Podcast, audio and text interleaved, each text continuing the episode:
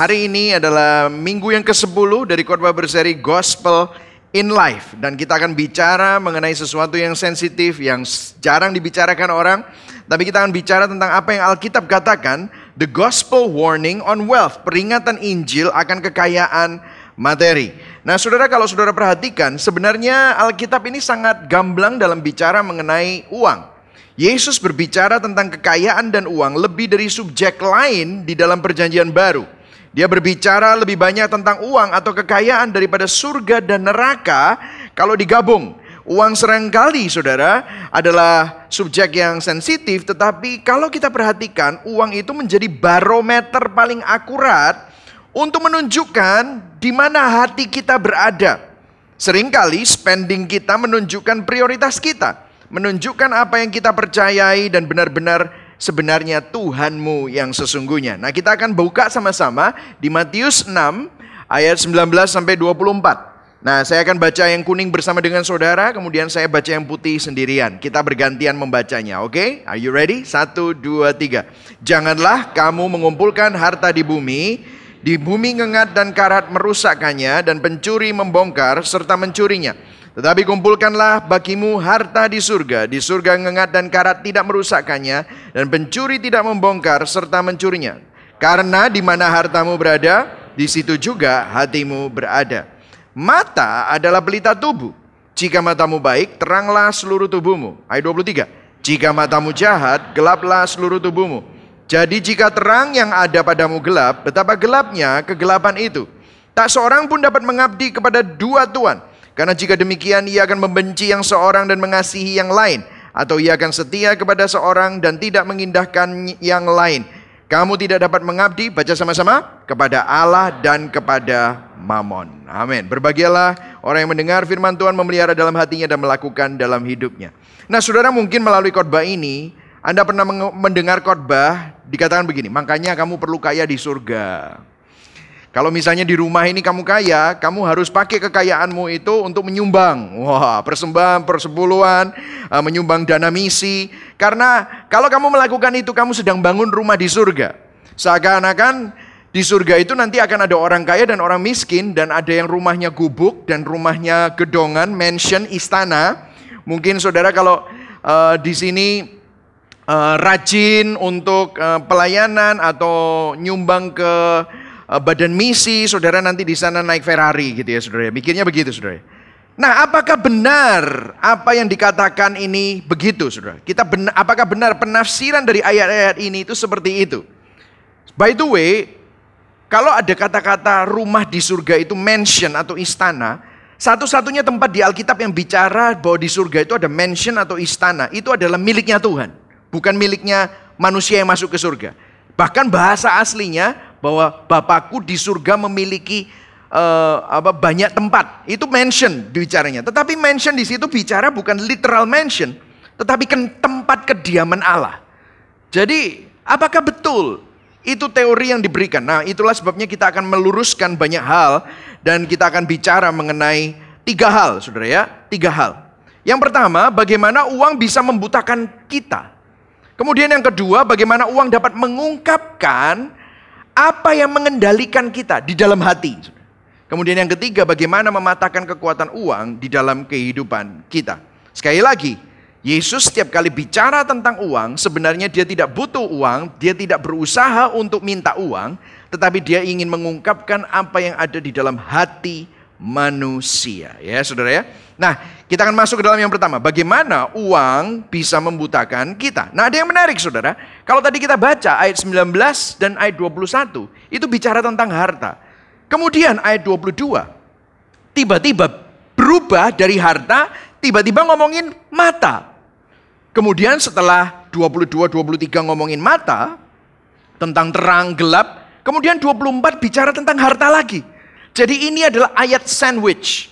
Ya, saudara tahu ya, ini adalah uh, kalau saudara mempelajari hermeneutika Alkitab, itu ada tekniknya, cara penulisan. Artinya hal ini ini sangat penting untuk mendeskripsikan sesuatu yang sedang dibicarakan. Nah, dikatakan mata adalah pelita tubuh, jika matamu baik, teranglah seluruh tubuhmu. Jika matamu jahat, gelaplah seluruh tubuhmu. Dan jika terang yang ada padamu gelap, betapa gelapnya kegelapan ini. Nah, saudara kalau saudara bayangkan, kalau saudara ada di dalam ruangan yang bercahaya seperti ini, dan ruangan itu banyak barangnya dan banyak perabotannya, maka saudara dengan mudah manuver ruangan itu, saudara akan bergerak di dalam ruangan itu dan menghindari untuk nabrak eh, perabotan dan barang-barang yang ada di ruangan itu. Anda tidak akan tersandung, tidak akan terjatuh. Kenapa? Karena cahayanya terang. Tetapi kalau misalnya ruang itu gelap gulita, saudara penerangannya sangat minim dan ruangan itu banyak barang. Apa yang terjadi? Saudara pasti akan nabrak-nabrak. Saudara bahkan ada resiko untuk kesandung dan jatuh. Betul ya saudara? Itu yang terjadi. Tetapi yang dikatakan di sini bukan tentang terang atau gelapnya ruangan.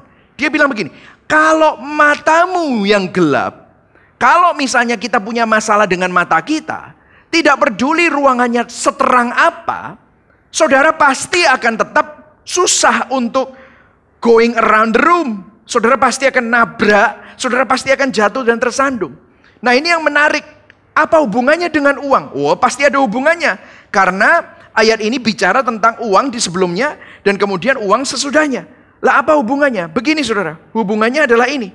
Money has the power to blind us. Uang mempunyai kekuatan untuk membutakan kita. Kalau mata saudara itu buta karena uang, maka saudara tidak bisa melihat apa yang esensi dalam kehidupan. Apa yang semestinya penting dalam kehidupan. Karena mata kita bisa dibutakan. Sehingga saudara bisa nabrak-nabrak, saudara bisa tersandung. Kalau saudara mempunyai mata yang sudah dibutakan oleh mamon. Nah gini saudara, bagaimana uang membutakan mata kita? Ada tiga saudara. Yang pertama saudara, yang pertama, uang membutakan kita terhadap pengaruh jahatnya dalam kehidupan kita. Saudara dengarkan saya, misalnya kalau saudara dengan banyak kasus dosa, saat Anda berbuat dosa, Anda pasti tahu Anda berdosa. Misalnya, kalau Anda berbohong, Anda pasti tahu kalau Anda berbohong. Buktinya apa? Kalau saudara ditangkap polisi, itu ada yang namanya lie detector alat pendeteksi kebohongan. Kok bisa ya kebohongan itu dideteksi? Bisa. Karena mereka kasih uh, alatnya, terus dikasih sensor uh, heart rate, terus kemudian ditanyain pertanyaan yang benar, terus Anda jawab. Maka heart rate saudara akan, oh segitu heart rate Tiba-tiba dikasih pertanyaan yang salah, Anda suruh jawab salah. Maka tiba-tiba heart rate Anda naik. Itu menunjukkan bahwa orang kalau bohong, itu tahu dia. Misalnya Anda mencuri, kalau Anda jatuh dalam dosa pencurian, Anda pasti tahu. Wong namanya Anda pencuri. Kalau Anda jatuh dalam dosa marah yang meledak-ledak berbicara kasar terhadap seseorang, kita pasti tahu. Tetapi jujur ya, selama saya 20 tahun lebih jadi seorang pastor, tidak pernah ada yang ke kantor saya bilang, Pastor, saya punya masalah ketamakan atau materialisme. Jarang. Sangat jarang. Kalau dia bilang, saya punya masalah uang, mau ngutang, sering gitu. Jangan datang loh ya saudara ya. Tetapi nggak pernah dia bilang begini, saya punya masalah dengan keserakahan. Jarang sekali. Banyak orang nggak ngerasa bahwa masalah keserakahan, masalah ketamakan, masalah hati yang terpikat sama uang materialisme itu menjadi masalah mereka. Mungkin bahkan saudara waktu dengar, oh ini khotbah tentang kekayaan dan duit. Ah, ini buat orang lain lah. Wah gitu saudara. Saya pernah baca artikel di Gospel Coalition di mana seorang pastor membuat khotbah berseri mengenai tujuh dosa yang membinasakan. Dia bilang bahwa jumlah orang hadir yang terbesar di sesinya dia itu waktu dari tujuh dosa itu yang paling banyak itu adalah tentang hawa nafsu dan seks. Uh paling ramai. Tapi kehadiran yang paling sedikit itu adalah waktu pastor ini bicara tentang keserakahan. Kenapa? Karena nggak banyak orang merasa atau mau mengaku bahwa dosa keserakahan itu adalah kelemahan mereka. Mereka nggak merasa, oh ini adalah mungkin bahkan saudara berpikir, wah ini cocok untuk mertuaku soalnya dia medit. Nah misalnya saudara berpikir seperti itu ya. Saudara mungkin berpikir, tetapi tidak pernah terpikir bahwa, oh ini aku, aku perlu ini. Nah saudara makanya kalau kita baca Lukas 12 ayat 15 dikatakan begini. Yesus ngomong, katanya kepada mereka, yang kuning baca sama-sama. Satu, dua, tiga. Berjaga-jagalah dan waspadalah terhadap segala ketamakan. Ini menarik saudara. Yang ber, dikatakan Yesus berkata, watch out. Be on guard. Berjaga dan waspada terhadap dosa ketamakan. Ada kata berjaga dan waspada terhadap ketamakan. Nah, saya mau tanya sama saudara, ada nggak ayat yang bilang gini, berjaga-jagalah dan waspada terhadap dosa pembunuhan? Ada nggak? Nggak ada. Ada nggak ayat yang berkata, berjaga-jaga dan waspadalah terhadap dosa pencurian? Ada nggak? Nggak ada. Oke, saya tarik lagi. Nggak ada ayat yang berkata, berjaga-jaga dan waspadalah terhadap dosa percabulan. Nggak ada. Alkitab bilang, jauhilah Jauhkanlah dirimu dari percabulan. Tapi nggak pernah gini. Berjaga-jaga dan waspada. Orang kalau disuruh berjaga-jaga dan waspada artinya gini. Keserakahan, ketamakan, itu masuknya sembunyi-sembunyi. Kita nggak pernah kerasa. Karena ketamakan itu bersembunyi di dalam hati kita dan sering kali kita tidak menyadari dosa ini menguasai hati kita. Kita buta akan pengaruh jahat dari ketamakan akan uang di dalam kehidupan kita. Makanya banyak orang tidak pernah merasa ini untuk dirinya. Tapi hari ini saya mau berdoa supaya saudara bisa merasa, oke okay, Tuhan, mungkin ini untuk aku dan aku perlu kalibrasi hati. Nah yang kedua, alasan kedua kenapa uang itu bisa membutakan kita. Uang membutakan kita terhadap pilihan gaya hidup kita. Saudara. Saudara setiap hari kita dibombardir dengan advertising, godaan untuk kita terus tersedot di dalam konsumerisme bulan November di Amerika sebentar lagi masuk ke dalam Thanksgiving. Sebelum Thanksgiving ada yang sale-nya yang paling besar di seluruh tahun itu bukan Christmas sale kalau di Amerika, itu Black Friday. Itu orang bisa ngantri dua blok saudara, untuk ngantri untuk beli-beli barang lah. Bahkan kita pun juga seperti itu. Saudara bisa lihat di toko ini, sale ini, sale sana, cicilan sini, cicilan 0%, bahkan saudara tiap hari di dalam sosial media. Makanya ya saudara, kalau kalau mau lihat sosial media itu paling aman ya, paling aman tuh ya, nonton sosial media itu nonton sosial media khotbah dan rohani saja. Atau TikTok yang seperti itu gitu ya. Ya hati-hati yang sama yang sesat gitu saudara. Kenapa kok gitu? Soalnya saudara itu ya, kalau saudara itu ya, kita ini dibutakan dengan apa? Saudara lihat sosial media, lihat baju, oh lihat uh, telepon, oh lihat perabotan. Saudara apa? Kepingin. Dan sekarang tinggal apa? Press, shop. Waduh, tahu langsung harganya berapa. Terus saudara lihat, lu kok larang ya? Langsung saudara lihat, ada cicilan nggak? Nah, betul atau betul? ya, kita itu disedot oleh yang namanya konsumerisme. Dan itu tidak bisa terelakkan. Saudara kalau kita perhatikan ya. Ayat yang tadi Lukas 12 ayat 15. Berjaga-jagalah dan waspadalah terhadap segala ketamakan. Nah bahasa asli ketamakan itu apa? Covetousness. Covetousness itu artinya menginginkan barang milik orang lain. Makanya saudara pas lagi lihat apa namanya Instagram, TikTok gitu ya. Waduh, muka ecek bening rek gitu. Sudah lihat muka sendiri. Loh kok ini ya? Sudah Sudah merasa kok jelek ya? Waduh, makanya saudara eh, filter-filter tuh di mana-mana. Kenapa kok orang suka Android? Soalnya Androidnya tuh filternya banyak kan saudara. Ya, wah bisa bikin kinclong segala macam. Tapi itu nggak asli. Akhirnya saudara apa? Aku merasa terbohongin tiap kali. Soalnya lihat di filter lebih bagus, terus lihat kaca kok kok aslinya kurang ya. Akhirnya apa? Saudara menghabiskan banyak uang untuk menunjukkan supaya saudara semakin cantik atau semakin ganteng. Dan apa ya? Kita menghabiskan banyak uang untuk kecantikan. Atau apa pun. Pakaian, barang mewah, jam tangan mewah, tas mewah, apa pun itu. Mungkin saudara nggak seperti itu. Mungkin, oh aku senangnya dandanin rumah. Saudara akhirnya menghabiskan banyak uang untuk hal-hal mengejar gaya hidup. Saudara pernah nggak tanya secara teratur menanyakan pertanyaan-pertanyaan seperti ini, saudara? Apakah kita menghabiskan terlalu banyak uang bagi diri kita sendiri? Beli pakaian, barang mewah, elektronik, perabotan rumah, dan lain-lain. Saya nggak bilang ini nggak salah, enggak. Ini semua kebutuhan sandang pangan papan. Tetapi pada saat kita terobsesi olehnya, bahkan merasa bahwa Anda tidak pede kalau Anda tidak pakai merek tertentu atau tidak kelihatan model tertentu, saudara akhirnya itu menjadi berhala baru. Akhirnya kita diperbudak oleh gaya hidup. Bisa nggak kita mengubah banyak hal sehingga kita hidup secara berbeda dan menjadi lebih murah hati, sederhana, merasa cukup. Makanya firman Tuhan bilang begini kan, pengkhotbah 5 ayat 10. Siapa mencintai uang tidak akan puas dengan uang. Koma. Ayo baca sama-sama. Dan, satu, dua, tiga. Dan siapa mencintai kekayaan tidak akan puas dengan penghasilannya. Itu pun sia-sia. Tidak pernah puas dan tidak akan puas.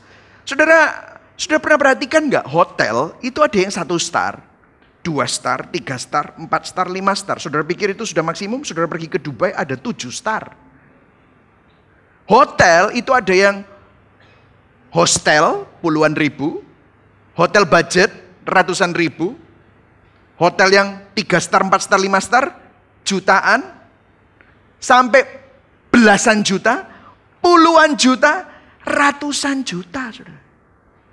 Ada nggak orang yang beli? Ada.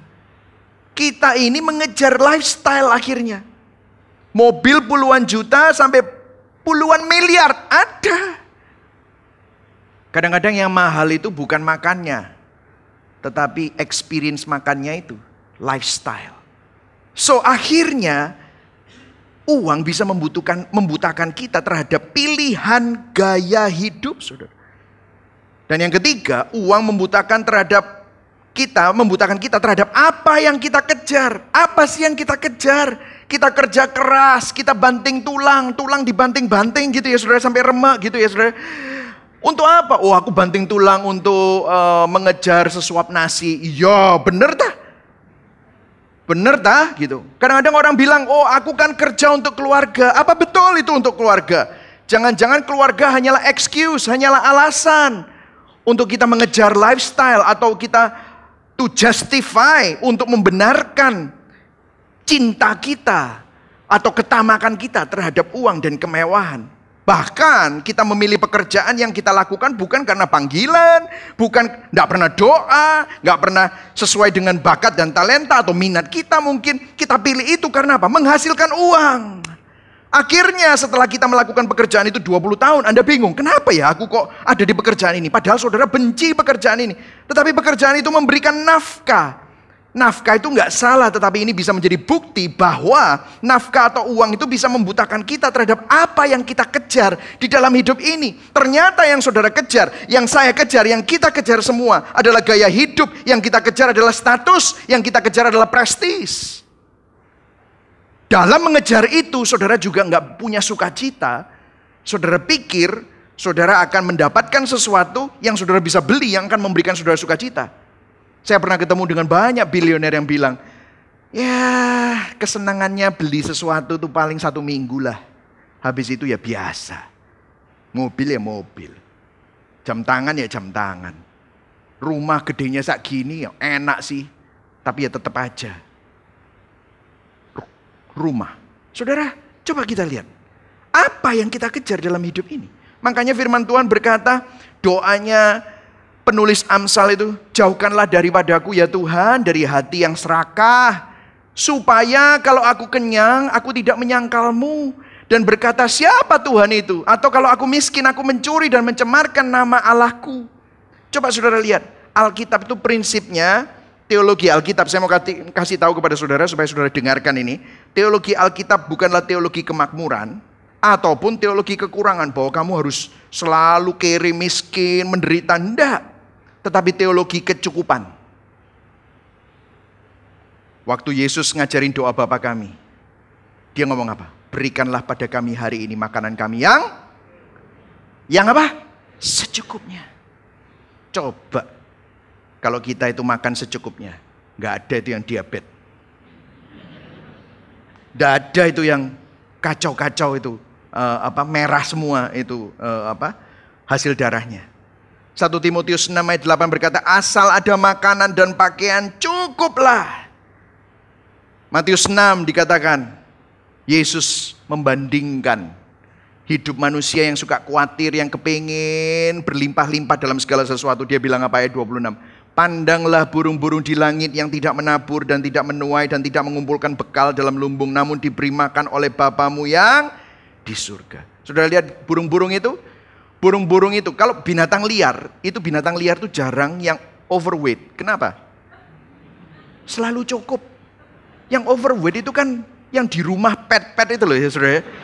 Anjingnya lemu, kelincinya lemu, gak lapo-lapo, sudah dikasih makan terus kan saudara Coba lihat, semua binatang di luar tidak ada yang semuanya cukup. Itulah teologinya Tuhan. Secukupnya. Yang setuju katakan amin. Namun diberi makan oleh Bapamu di surga. Bukankah kamu jauh melebihi burung-burung itu? Ayat 27. Ayo baca sama-sama ayat 27. 1, 2, 3. Siapakah di antara kamu yang karena kekhawatirannya dapat menambahkan Sehasta saja pada jalan hidupnya. Yang kamu khawatirin apa sih? Makan, minum, pakai baju apa, ya. Mau berapa lemari bajumu? Ayat 31. Sebab itu janganlah kamu khawatir dan berkata, apa yang akan kami makan?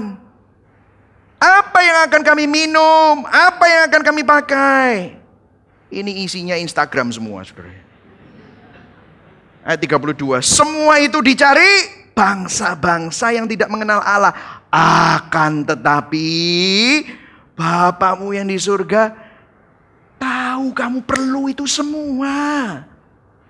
Nah ini ayat 33 paling terkenal. Carilah dahulu kerajaan Allah dan kebenarannya. Maka semuanya itu akan ditambahkan kepadamu. Makanya carilah dahulu. Nanti semua itu ditambahkan kepadamu. Saudara nggak cari kerajaan Allah bukan karena kerajaan Allah. Tetapi mau semuanya itu loh tadi. Betul saudara? Ini menunjukkan hati kita dibutakan oleh semua yang ditambahkan itu loh. Uang. Halo? This is our heart. Kita suka membenarkan diri sendiri when it comes to money. Kalau mau jujur, alasan kita membenarkan keserakahan kita, cinta kita itu karena cinta kita terhadap uang. Saudara, Jangan cari kerajaan Allah supaya semua itu dapat. Kalau kayak begitu saudara menggunakan Tuhan untuk mendapatkan uang. Tetapi mestinya kita pakai uang untuk melayani Tuhan dan memuliakan Tuhan. Bukan terbalik. Carilah dahulu kerajaan Allah dan kebenarannya maksudnya begini. Kalau kamu punya Tuhan, kalau kamu punya kerajaan Allah dalam hidupmu, maka kamu akan cukup. Maka kamu akan bisa bersyukur maka kamu akan menghitung semua berkat Tuhan dan berkat Tuhan itu tidak terhitung. Kamu tidak akan selalu khawatir, kamu tidak akan selalu tanya apa yang aku aku pakai, apa yang aku makan, apa yang aku minum. Tetapi kamu akan melihat bahwa kamu memiliki Sang Pencipta langit dan bumi yang ada bersama dengan kamu. Itulah inti dari ayat ini. Jadi uang itu membutakan kita. Nah, yang kedua, Bagaimana uang dapat mengungkapkan apa yang mengendalikan kita? Coba kita lihat menarik di sini. Matius 6 ayat 21. Dikatakan sama-sama, kita baca yang orangnya 1 2 3, karena di mana hartamu berada, di situ juga hatimu berada. Terus kemudian ayat 24 bagian akhirnya, kamu tidak dapat mengabdi kepada Allah dan kepada Mamon. Nah, ini menarik Saudara. Kenapa? Karena Yesus mempersonifikasikan uang dengan kata mamon. Ini dibuat kayak ada namanya, nama orang yang artinya aset atau kekayaan. Yang artinya ini menjadi mamon ini adalah saingannya Tuhan. Atau tuan saingan dalam hidup kita. Jadi intinya begini, dengarkan saya. Kalau Anda ingin tahu apa yang benar-benar menunjukkan siapa Tuhanmu, siapa yang mengendalikan kita, siapa Tuhan kita yang sebenarnya, Mau tahu caranya gimana? You want to know? Saudara pasti sering dengar kata-kata ini di film-film drug dealer. Follow the money. Ikuti uangnya ke mana. Saudara kalau saudara menginvestigasi sebuah uh, kelakuan kriminal atau organized crime, organisasi kriminal, mereka biasanya ingin tahu kepalanya itu di mana, diikuti uangnya ke mana.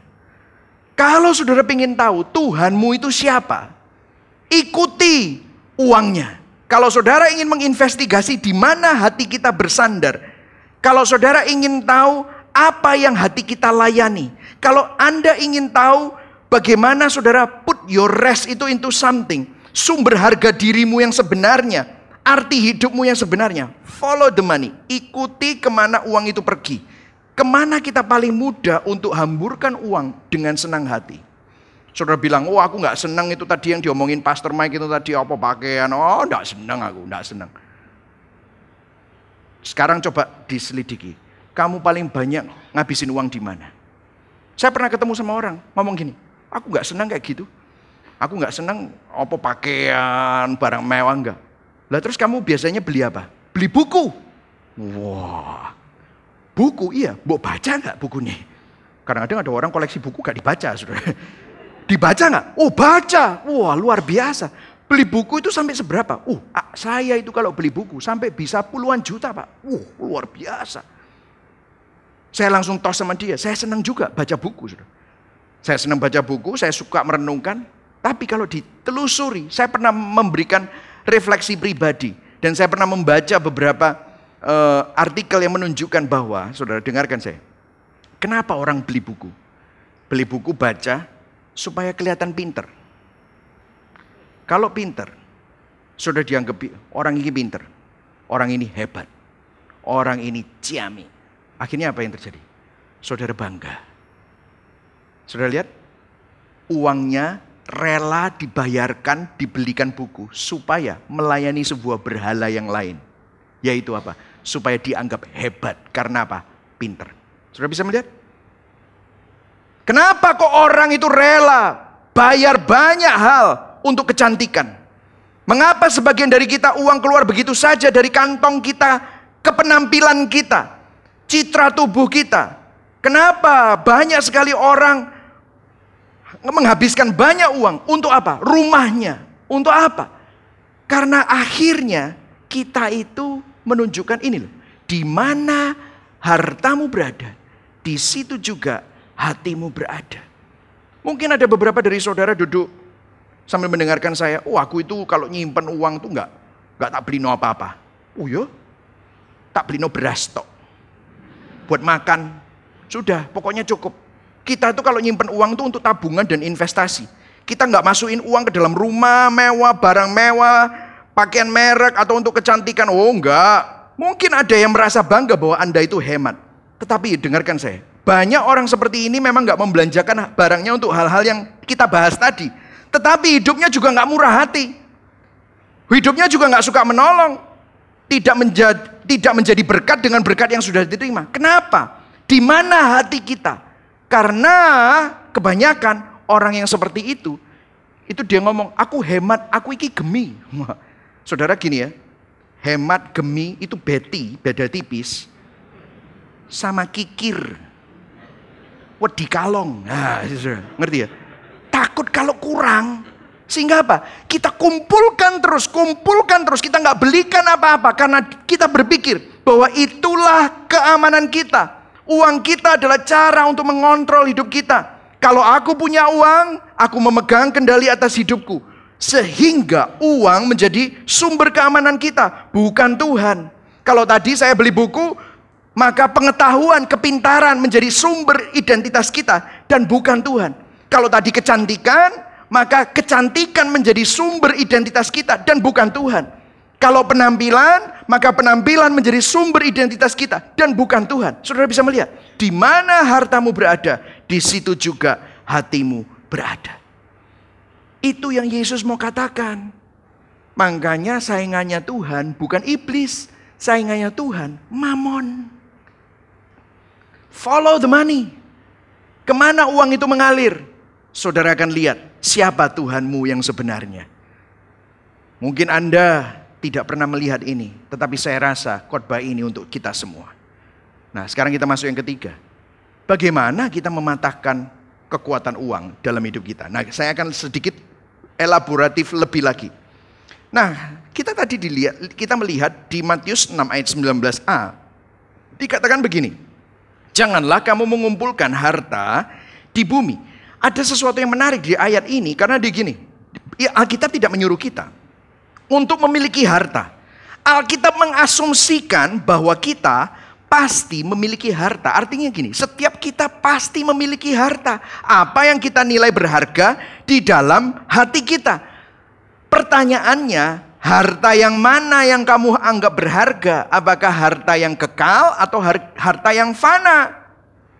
Dallas Willard di dalam bukunya Divine Conspiracy dia berkata begini, everyone has treasures in our heart. Katakan sama-sama treasure, treasure.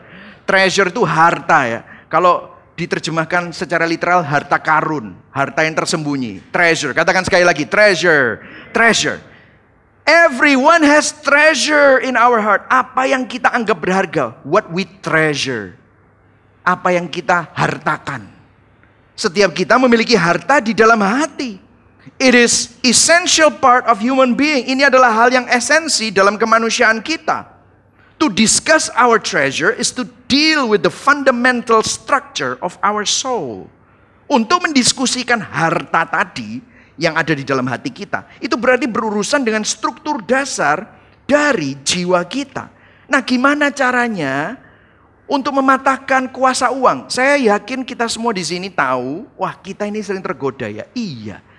Kita ini sering ya uh, apa mencintai sesuatu tanpa kita sadar. Kita bilang kita cinta Yesus, tetapi nyatanya kita cinta ke penampilan, kecantikan, penerimaan, ya itu semua kendali. Makanya kita tadi antara hemat sama kikir beda tipis. Saudara lihat, iya ya kita ini seperti ini. Nah gimana caranya? No, oke okay, saya kasih caranya secara praktis. Tapi saya mau kasih tahu, cara ini pun tidak mungkin kalau tanpa Kristus. Saya kasih petunjuknya dulu. Cara ini coba kamu lakukan tanpa Kristus nggak bisa. Nah, yang pertama caranya adalah temukan apa yang kita nilai berharga selain Tuhan di bumi. Temukan dulu. Apa itu? Makanya tadi follow the money. Temukan apa sih?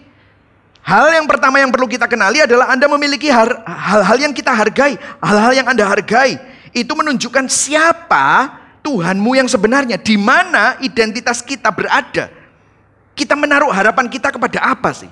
Anda perlu sadari itu dulu. Dan Anda perlu sadari dan ngaku bahwa itu bukan Tuhan. Tapi apa pun itu. Coba. Terus kemudian, lihat apa yang dikatakan ayat selanjutnya. Di sini masalahnya.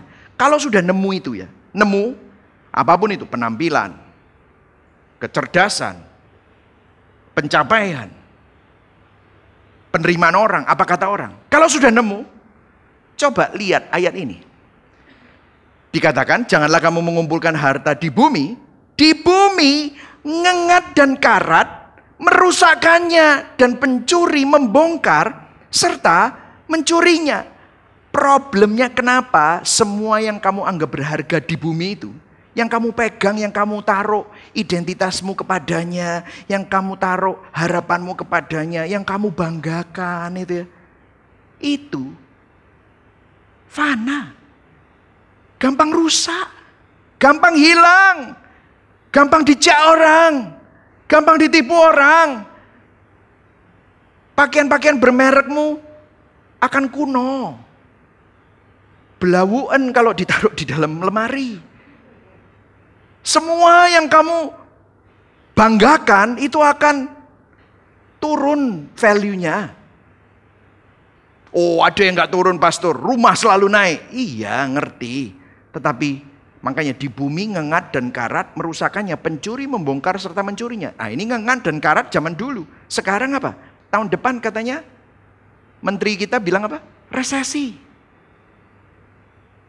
Rupiah melemah. Emas melemah.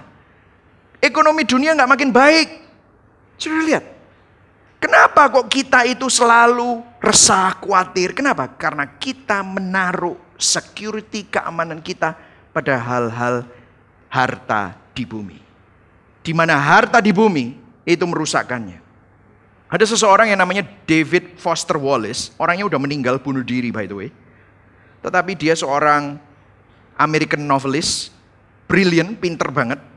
Seorang tidak beragama, punya agama tapi dia sendiri tidak mempraktekannya dan tidak terlalu percaya Tuhan. Tetapi dia seorang teolog yang jauh lebih tajam dari banyak pendeta hari-hari ini.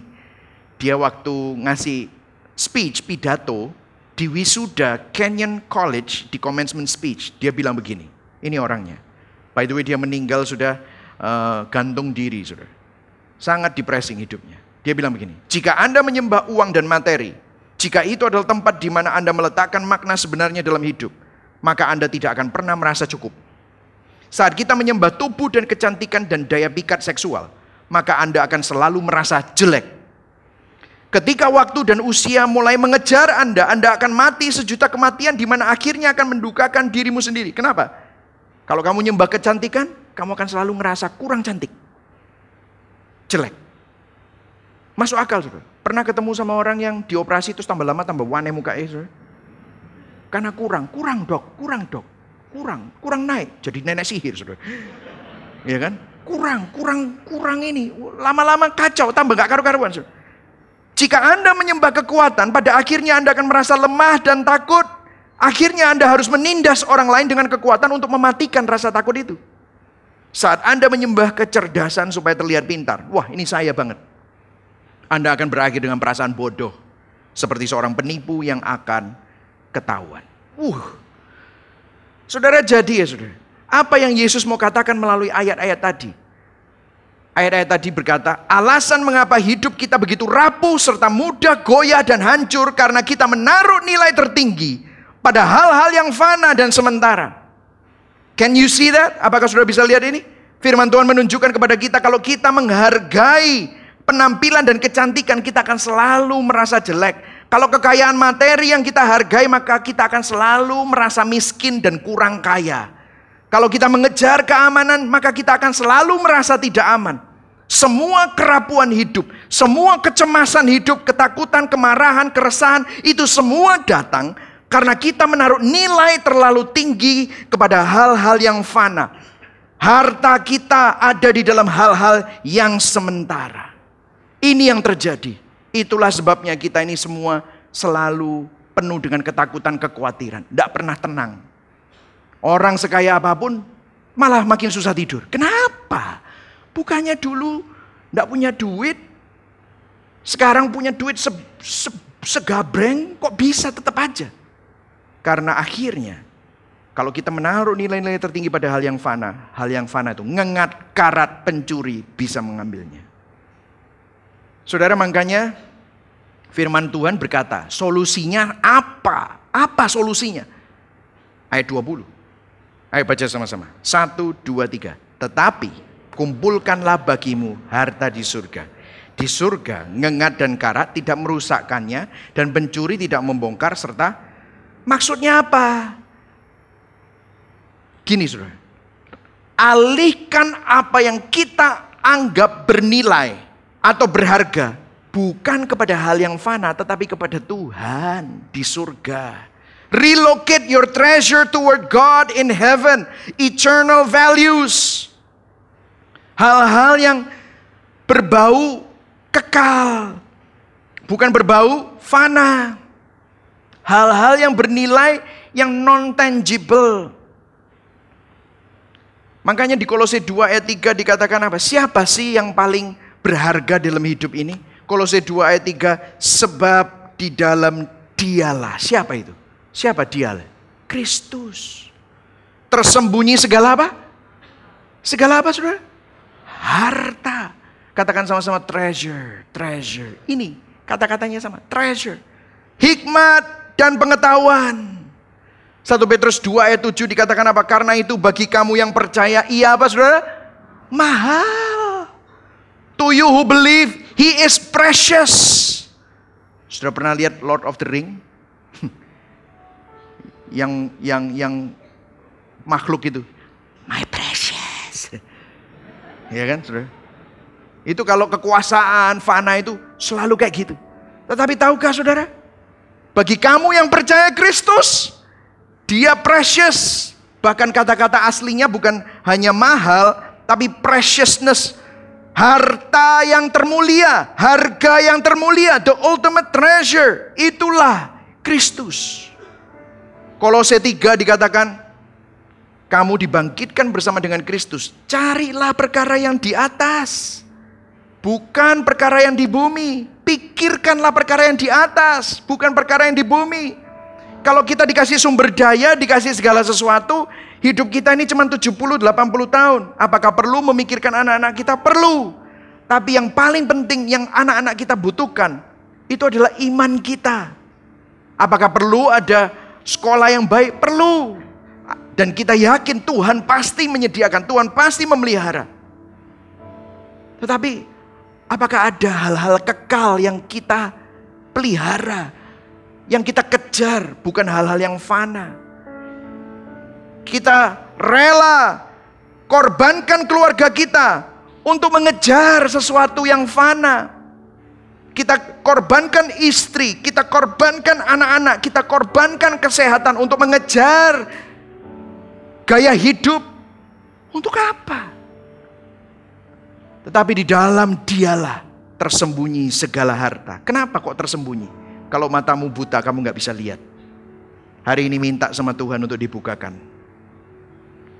Saudara, kalau kita tahu tok Tuhan itu berharga, tapi belum pernah benar-benar sampai di hati, percuma.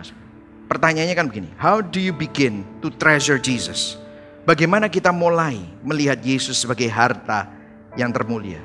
Mungkin saudara bilang begini, aku percaya Kristus, aku percaya kepada Kristus. Percaya, dengarkan saya, percaya beda sama treasure. Believe itu beda sama treasure. Anda dapat percaya Yesus, Anda dapat sangat percaya kepada Yesus, tetapi hati Anda itu menganggap sesuatu yang berharga atau tidak. Kalau Anda menganggap sesuatu yang berharga itu adalah hal-hal selain Yesus, gak heran saudara begitu mudah takut, khawatir, resah. Alasan kita memiliki kerapuhan, ketidakstabilan dalam hidup kita. Karena kita menaruh yang paling berharga itu pada hal yang lain selain Kristus. Percaya sama Kristus yang dimaksudkan Alkitab adalah menganggap Yesus sebagai yang termulia, yang terindah. Treasuring Jesus. Dan kalau kita kembali kepada teks kita dikatakan begini. Ayat 24 baca sama-sama. Saya hampir selesai. Satu, dua, tiga. Tak seorang pun dapat mengabdi kepada dua tuan. Karena jika demikian ia akan membenci yang seorang dan mengasihi yang lain. Atau ia akan setia kepada yang seorang dan tidak mengindahkan yang lain. Kamu tidak dapat mengabdi kepada Allah dan kepada kalau kita mencintai sesuatu itu harus eksklusif. Gak bisa mendua. Saudara bilang, oh aku bisa mendua gitu misalnya. No you cannot. Kalau saudara sudah mencintai sesuatu, Anda akan pakai yang lain untuk mendapatkan itu. Anda harus gantikan cinta Anda terhadap hal yang fana ini dengan cinta yang lebih tinggi. Kita harus betul-betul jatuh cinta sama hal itu. Hati kita harus benar-benar terpesona olehnya. Hati kita harus benar-benar dibuat wow, dibuat kagum, dibuat ternganga, dibuat luluh, dibuat terharu oleh sesuatu itu. Lebih daripada yang lain. Kekaguman Anda terhadap sesuatu yang fana harus diganti dengan sesuatu yang kekal. Saudara saya kasih kesaksian sedikit ya. Waktu saya baru setahun lulus kuliah, saya pindah dari Indiana pindah ke Seattle. Saya waktu itu hampir setahun saya nggak disponsorin untuk tinggal di Amerika. Waktu itu tahun 98, Saudara. Tahun 98 itu adalah krisis ekonomi. Terus kemudian papa saya bilang, "Udah kamu di Amerika aja, kamu kerja aja di Indonesia susah gini-gini." Akhirnya kita mau stay di sana. Eh, saya nggak disponsori sama company saya itu. Saya sampai akhirnya quit dari kerjaan itu. Minggu yang sama saya quit. Saya dulu punya pacar. Satu pacar ini benar-benar saya bangga-banggakan soalnya ABC, American Born ABA, American Born Asian. Itu yang hot-hot gitu loh kalau dipegang gitu. Wah saya bangga banget itu sama cewek, itu cewek gitu ya. Wah, minggu yang pertama saya baru selesai sudah sudah quit dari kerjaan, saya udah pusing, saya cari kerjaan lain, jadi nggak ada kerjaan, saudara. Terus kemudian minggu itu cewek itu telepon saya, we need to talk. Waduh, iki we need to talk iki apa iki? Terus udah gitu waktu kita ngomong, it's not you, it's me. Wah, bukan kamu, ini masalahku. Wah, I need to break up. Waduh, putus saudara. Putus saudara. Waduh, saya pusing saudara. Gak punya kerjaan, diputusin cewek. Terus kemudian minggu depannya saya lagi uh, mau pelayanan ke gereja. Nggak tahu kenapa saya luntang-luntung gitu ya semingguan, nggak nyetir mobil di rumah cari-cari kerjaan, kirim-kirim resume. Nah hari Minggu saya ke gereja, ini pelayanan loh saudara, saya pelayanan saudara. Pelayanan naik mobil, nggak tahu kenapa pas lagi di highway mobilnya itu ada curb gitu, Saya jalannya ya biasa lah 40 km per jam, 50 km per jam. Tiba-tiba mobil saya slip. Swat, muter. Swat, nabrak pinggirannya highway. Bumper saya itu terlempar kira-kira 10 meter gitu ya. Oh, apa kap mesin saya mangap. Waduh, hancur semua. Aduh, kacau ya. Jadi tidak punya kerjaan, diputus cewek, mobil tabrakan. Waduh, pusing saya. Terus gitu kan, ini kan on the way kepada gereja gitu. Ini ke gereja. Sudah tahu mobil di pinggir jalan, saya lagi mau main keyboard. Main keyboard, saudara. Saya itu main keyboard dulu. Main keyboard. Terus habis itu, ada teman-teman gereja lewat. Teman-teman gereja lewat. Halo, dah. Gitu, seret gitu ya. Lewat, ah, seret gitu. Ada kayak 10 mobil mungkin. Loh, kano sih mandek. Nolongi aku, gak ada, saudara. Gak ada sih mandek, saudara. Saya ditangkap polisi, bukan ditangkap polisi, didatangi polisi dan yang lain-lain.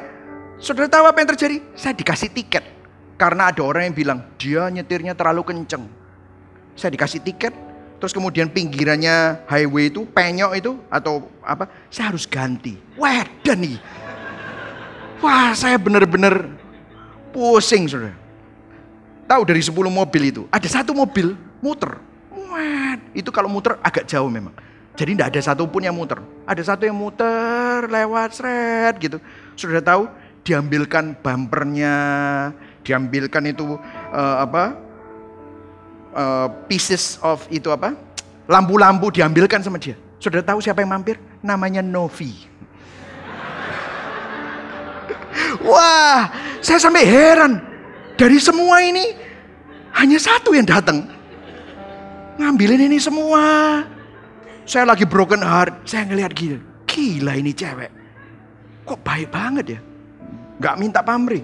Buai wis melakukan semuanya gitu. Terus waktu saya main keyboard di gereja, saya liatin dia WL. Gila ya, ini jam ini cewek ini. Beda, beda. Sama yang tss, tadi yang hot-hot gitu. Saya, beda, kualitasnya luar biasa. Sir. Dan saudaraku pernah satu hari saya nggak sengaja saya ngambil Alkitab tuh Alkitabnya biru-biru semua, enggak tahu saya ambil. Mungkin karena waktu itu habis bebas tadi saya, eh salah ngambil Alkitabnya Novi. Saya ngambil Alkitabnya Novi, saya buka, uh ini Alkitabnya orang. Siapa ini? Terus itu ada tulisan-tulisan doanya dia. Saya bacain. Wow, ini cewek cinta Tuhan sekali. Wow, langsung ya semua bayangan cewek-cewek yang hot-hot, yang apa, langsung sirna. Iki paling ciami ini. Siami luar biasa. Yang saya pikirin, gila men. Ini kalau saya punya istri model kayak gini, beda. Kayak langit dan bumi, bener kayak langit dan bumi. Yang lainnya matre, yang lain mikirin opo lah opo. Ini mikirnya Tuhan. Mikirnya, wow. Sudah lihat, kenapa saya cerita ini?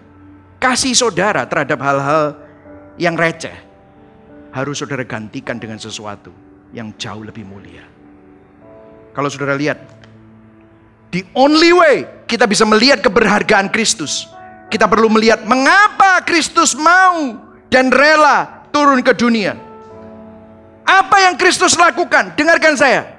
Yesus Kristus memiliki semua harta, memiliki semua status, memiliki semua keamanan, memiliki semua kehormatan, memiliki semua keindahan. Apa yang kurang? Kekayaan. Dia punya semua.